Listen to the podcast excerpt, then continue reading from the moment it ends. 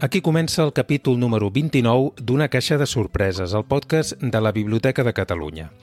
Aquesta vegada et volem parlar d'un tema, de l'espiritisme, que va generar molt d'interès en una determinada època i sobre el qual es van escriure moltes i moltes pàgines. Ens hi ajudarà la Pepa Bagaria, bibliotecària de la secció de Maroteca de la Biblioteca de Catalunya. Una caixa de sorpreses, el podcast de la Biblioteca de Catalunya.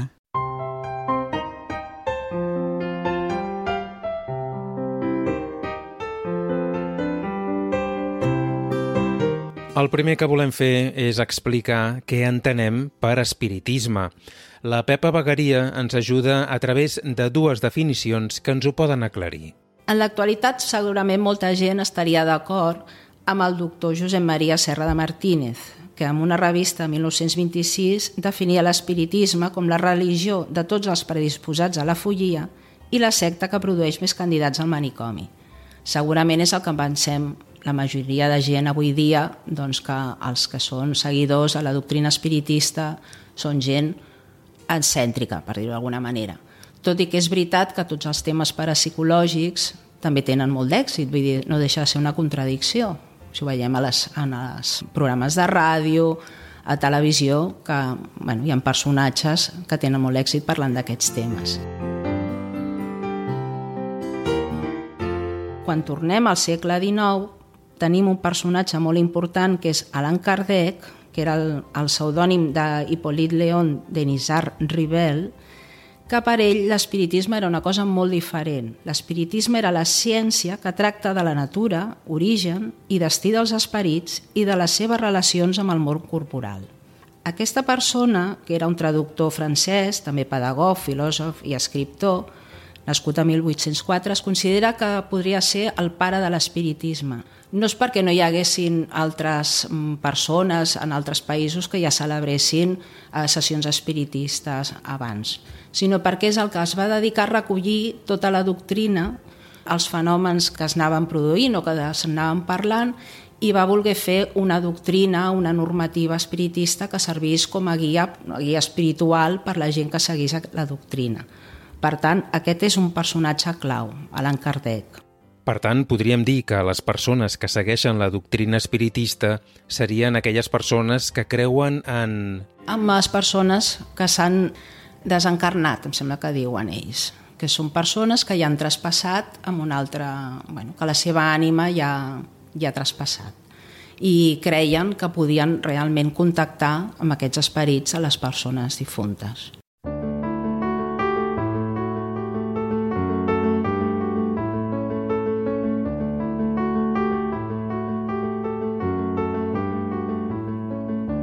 L'espiritisme es desenvolupa sobretot durant el segle XIX, tot i que ja s'havien produït sessions espiritistes abans d'aquell segle.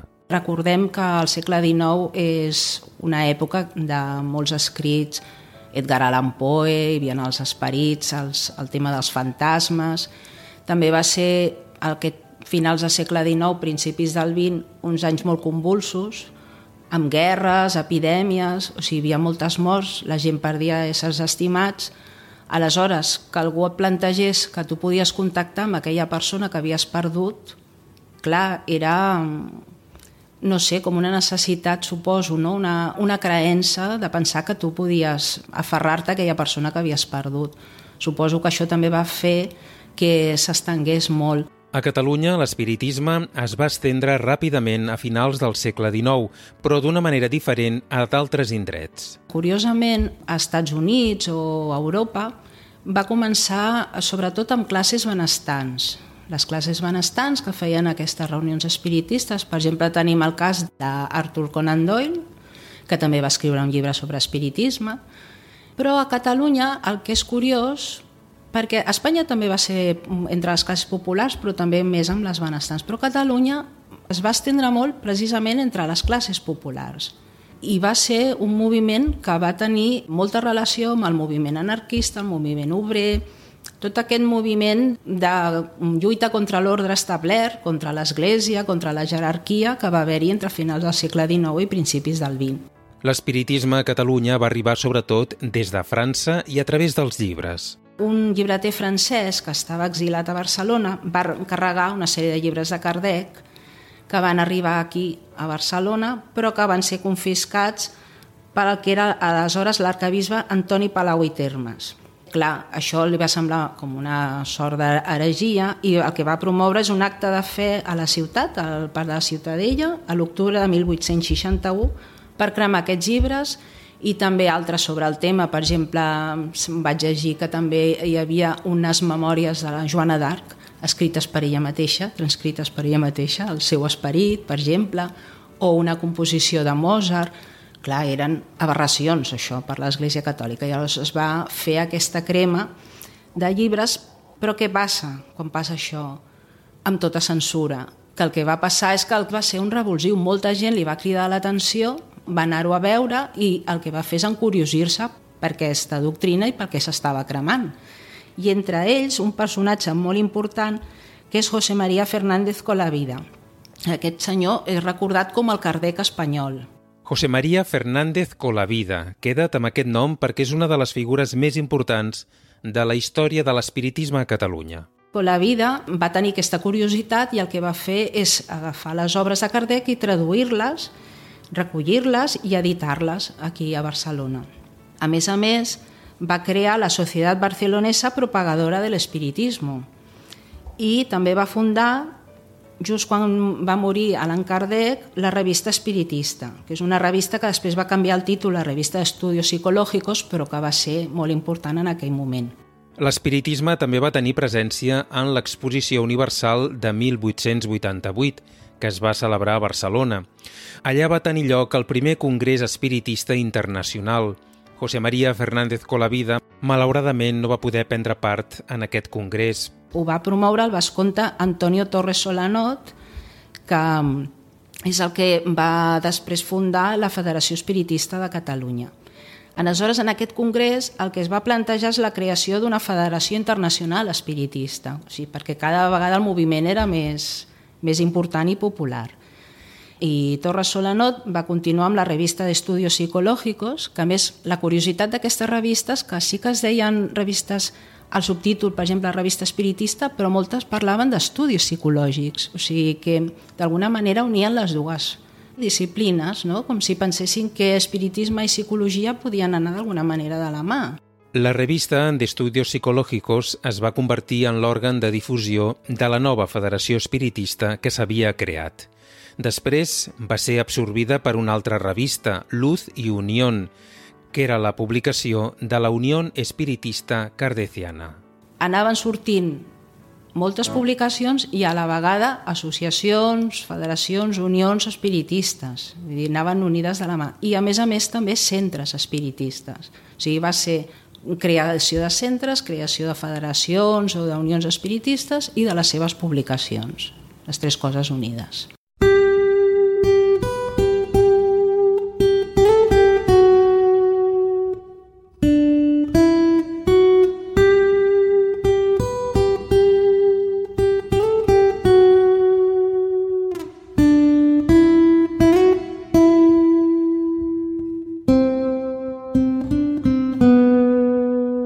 Les persones que seguien la doctrina espiritista, sobretot en l'inici, eren creients. Si algú vol investigar i llegir una mica sobre la doctrina espiritista, almenys del principi, ells eren mm, creients, creien en Déu i creien en les ànimes i en la, que l'esperit, l'ànima, continuava quan el, deixava el cos.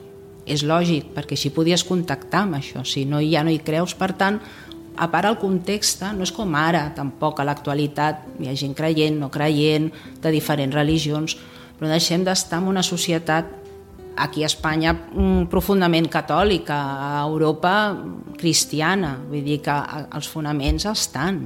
Però com era una sessió d'espiritisme?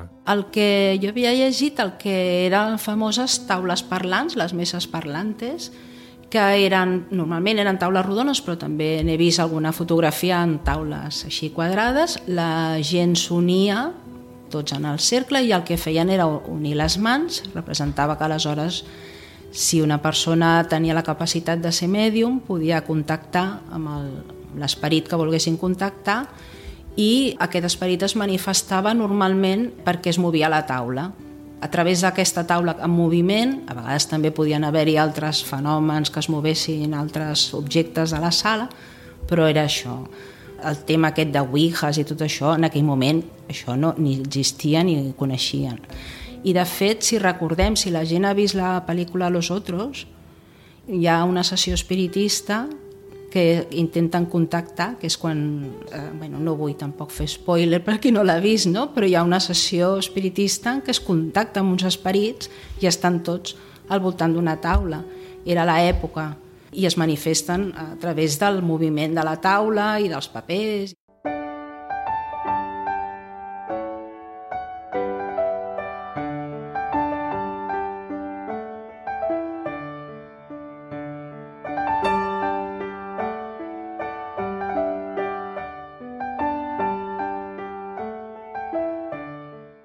Continuem amb la Pepa Bagaria repassant la història de l'espiritisme a Catalunya. Ens trobem que entre finals del segle XIX i principis del XX hem vist que l'espiritisme cada vegada havia anat agafant menys abrasida i s'havia anat estenent a Catalunya. A Lleida també es publicaven revistes, a Barcelona, per exemple, hi ha l'anècdota que 100.000 espiritistes es van manifestar a la Ciutadella el 1890 per commemorar la crema de llibres de 1861 i també l'espiritisme s'havia anat diversificant en altres branques, com per exemple era l'espiritisme filosòfic. Si abans parlàvem d'una figura important pel desenvolupament i l'expansió de l'espiritisme a Catalunya, com va ser José María Fernández Colavida, ara hem de parlar d'una dona, un altre nom imprescindible d'aquesta història, Amàlia Domingo Soler. Era una dona que havia nascut a Sevilla, es va traslladar a Madrid diuen o expliquen que ja va tenir visions de la seva mare morta i va començar a tenir interès per aquesta doctrina nova que era l'espiritisme. Aleshores, Amària es va traslladar al barri de Gràcia i un cop a Gràcia va dirigir una revista que és una de les revistes capdals o fonamentals de l'espiritisme, que és La Luz del Porvenir. Aquesta revista és molt important perquè, a més de l'espiritisme, també es caracteritza pel seu contingut a favor del laïcisme. Parlava de temes com el racionalisme científic i també plantejava la igualtat de drets i d'educació, sobretot de l'educació per les dones. Recordem que si l'educació no arribava a les classes populars, a les dones encara menys. Amàlia Domingo Soler també va ser una figura clau pel que fa al feminisme a Catalunya. És coneguda perquè en Teresa Claramunt i Ángeles López de Ayala impulsar la Societat Autònoma de Mujeres, que es considera la primera organització o una de les primeres organitzacions que es podria considerar feministes a Catalunya. La Luz del Porvenir, la revista que va dirigir Amàlia Domingo Soler, va tenir una llarga trajectòria, tot i les dificultats de l'època. Pensem que totes les revistes de l'època tenien censura i havien d'anar canviant de títol, el mateix que passava amb les humorístiques. Totes les revistes que anaven contra l'ordre establert havien de lluitar amb la censura i aleshores el que feien totes era anar canviant de títol, fusionar-se amb altres per anar despistant. Aquesta de Luz del Porvenir va durar fins l'any 36, el que passa que va anar canviant de títol, va anar fent, sortejant la censura com va poder, però és una de les revistes més importants del moment.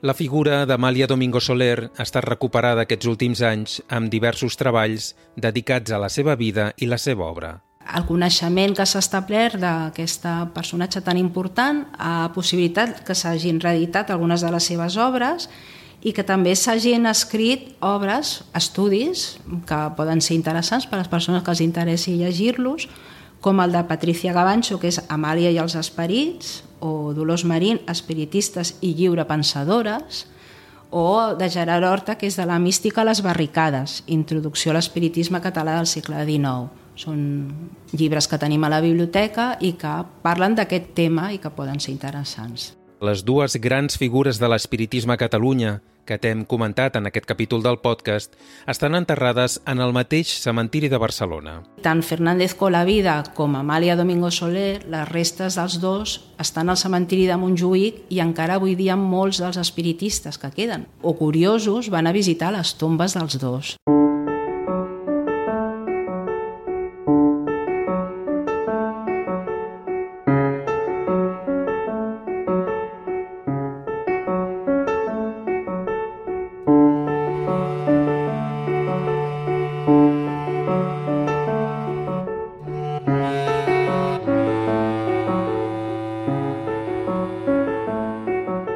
L'espiritisme a Catalunya, amb els anys, a mida que anava creixent, agafava també diferents camins que podem anar resseguint, sobretot a través de les diverses publicacions conservades. Totes aquestes revistes que es anaven publicant anaven molt lligades a centres de, que s'anomenaven centres de caritat o centres d'estudis psicològics, etc. En aquests centres s'impartien, per exemple, classes de lectura, i d'escriptura també, per anar alfabetitzant a, a les classes populars. Es defensava, per tant, l'ensenyament públic, mix i gratuït, una cosa que en el seu moment doncs, era impensable defensar, i també l'espiritisme en aquell moment es va involucrar amb la lluita obrera i també es va involucrar amb el feminisme, el naturisme i fins i tot en algun cas en el nudisme, perquè tenim un, una revista així més estranya, que bueno, aquesta revista es va publicar ja als anys 30, però que es definia com revista espiritista naturista. Fa un moment hem vist com l'espiritisme es va associar a altres disciplines, com ara la psicologia o la filosofia. L'espiritisme també es va vincular a la ciència. Curiosament, aquesta doctrina també va tenir molta influència dintre del món científic, tant pels seguidors que va tenir, però també pels detractors, evidentment. Per exemple, al primer congrés, que recordem que va ser el 1888, es va definir en aquell congrés l'espiritisme com una ciència positiva i experimental.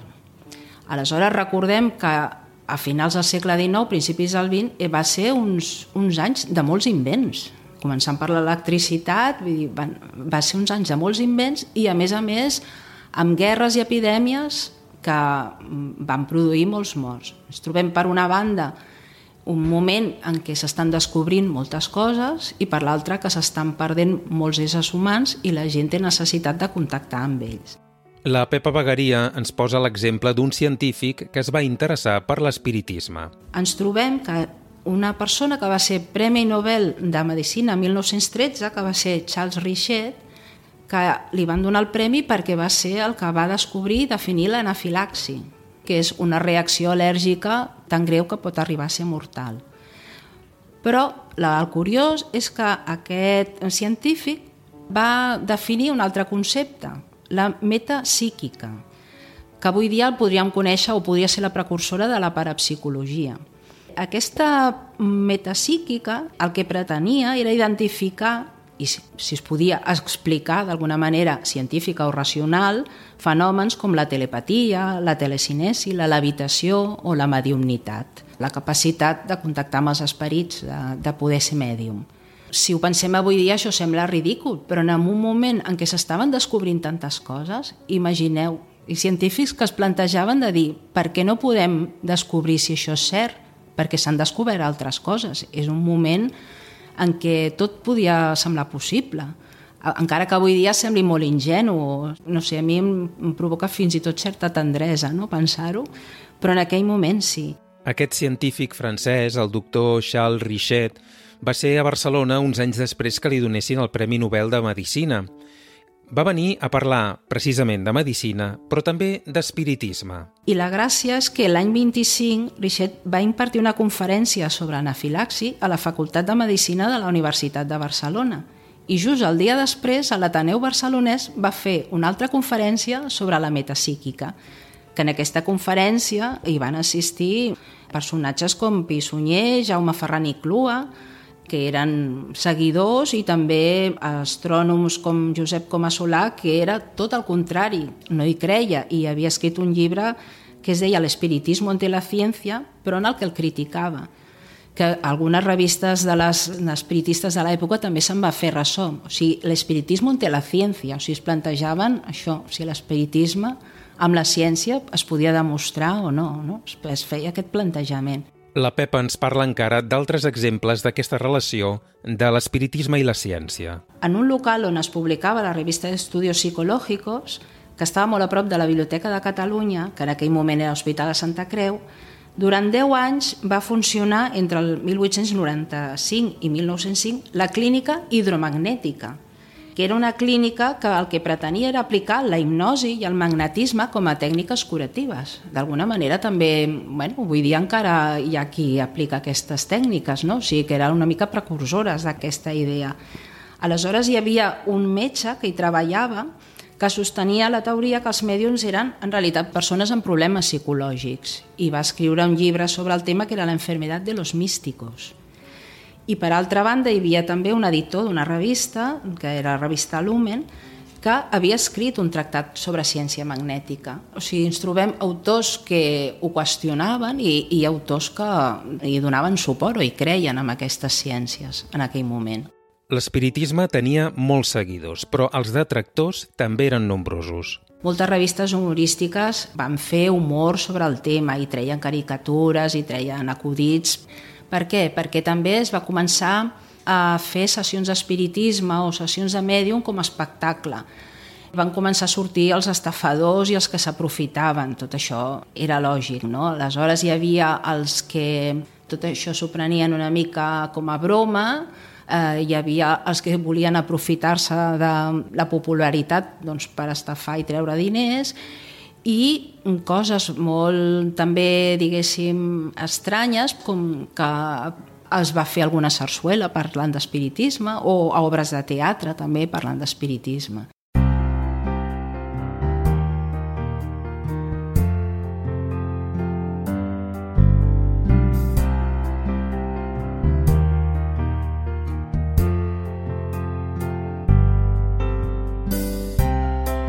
Segurament va ser durant la República, a la dècada de 1930, quan l'espiritisme va viure un dels seus millors moments a Catalunya. Tot i que en el, a la dictadura de Primo de Rivera va ser un moment que va ser més perseguit l'espiritisme per la censura i va tenir dificultats, a poc a poc va tornar a ressorgir i en els anys de la República va tornar a ser tan popular i no només no estava perseguit, fins, fins i tot el 1934 es va tornar a celebrar el Congrés Internacional a Barcelona, el cinquè en aquest cas, el va presidir la inauguració l'alcalde d'aquell moment, que era Carles Pissunyer, i el president de la Generalitat, que era Lluís Companys, i va enviar una delegació oficial. Per tant, d'alguna manera es va celebrar amb tot el reconeixement oficial de l'època. Després, amb l'arribada del franquisme, l'espiritisme es va prohibir i va ser perseguit. Es va prohibir, la Federació Espiritista Espanyola es va il·legalitzar i el seu president, que era Eduardo Anaya, va anar a la presó. O sigui, van ser uns anys realment foscos, es va perdre molta documentació, es va destruir, perquè clar, era una doctrina doncs això, que era d'alguna manera contra l'ordre establert i contra la religió catòlica. O sigui, era el que ells argumentaven per fer aquesta persecució. Poc abans de la mort del dictador Francisco Franco, es va tornar a publicar una revista que tractava d'espiritisme. No va ser fins l'any 1972 que aleshores un grup de periodistes es va plantejar tornar a treure una revista que parlés, però ja no va ser exclusivament espiritista, però sí que per parlar de temes paranormals, per a psicologia, fenòmens, etc. que és una revista que va ser molt coneguda en aquells moments, als anys 70, va ser Carme Set Carme Set va ser molt emblemàtica i va durar uns 20 anys, més o menys. Parlem d'un moment en què encara no estava legalitzat. Per exemple, no es va legalitzar una altra vegada el primer grup espiritista fins 1981 i la Federació Espiritista Espanyola fins 1982. Des d'aleshores han anat sorgint diverses publicacions que tenen l'espiritisme com una de les seves temàtiques. Una altra revista, però aquesta ja va ser l'any 1989, que possiblement molta gent recordarà, va ser Más allá, Más allá de la ciència, era que el Jiménez de l'Oso va ser el seu director als 11 els primers números i que aquesta revista encara es publica. Però no és una revista tampoc espiritista completament. Ja, ja parlem de revistes de parapsicologia. Eh? Vull dir, l'espiritisme ja queda com bueno, una cosa més residual, d'articles, etc. La Pepa Bagaria ens parla d'algunes revistes d'espiritisme que podem trobar en l'actualitat. I, per exemple, revistes que siguin purament espiritistes queden poquetes i normalment són com els butlletins de les federacions que s'han creat després per parlar de les seves activitats, les seves comunicacions, etc. Una és Visió Espiritista, que és del Centre Espírita Amàlia Domingo Soler, o sigui, s'ha creat un centre per recordar Amàlia Domingo Soler, o Flama Espírita, que és del Centre Barcelonès de Cultura Espírita.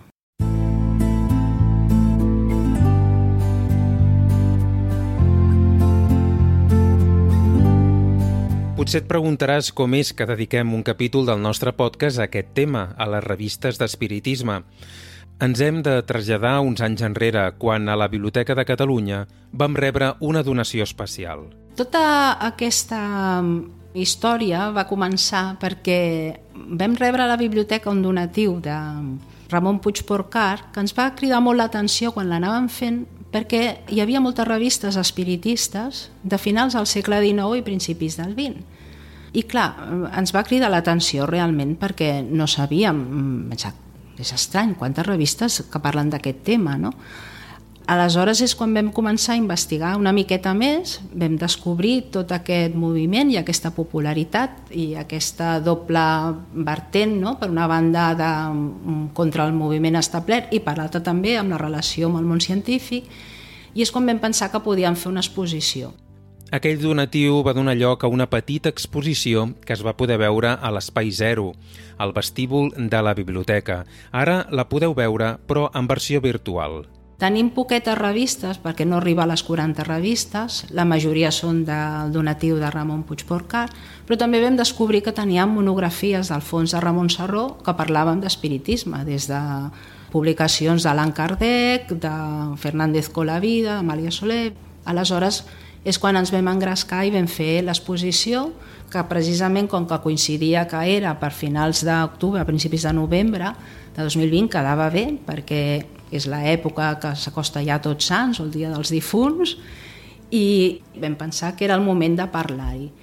Aquesta exposició també està disponible a la web de la Biblioteca de Catalunya per qui la vulgui consultar. I totes les publicacions, els, els títols que s'han mencionat, tant de revistes com de monografies, també es poden consultar a la Biblioteca de Catalunya qui ho desitgi.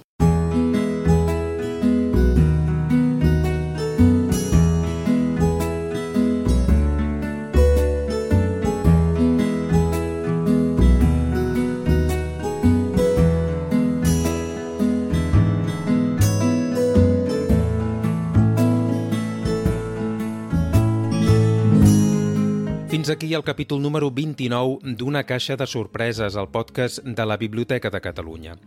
Si t'han vingut ganes de saber-ne més a partir del que ens ha explicat la Pepa Bagaria, de la secció de Maroteca, t'hem deixat uns quants enllaços perquè puguis ampliar la informació d'aquest podcast. Els trobaràs a l'adreça d'internet bnc.cat barra podcast. I si tens qualsevol dubte o consulta per fer-nos, o si vols comentar-nos alguna cosa relacionada amb aquest o amb altres capítols del nostre podcast, ho pots fer escrivint-nos un correu electrònic a l'adreça podcast arroba bnc.cat. Moltes gràcies per haver arribat fins aquí i fins al pròxim podcast.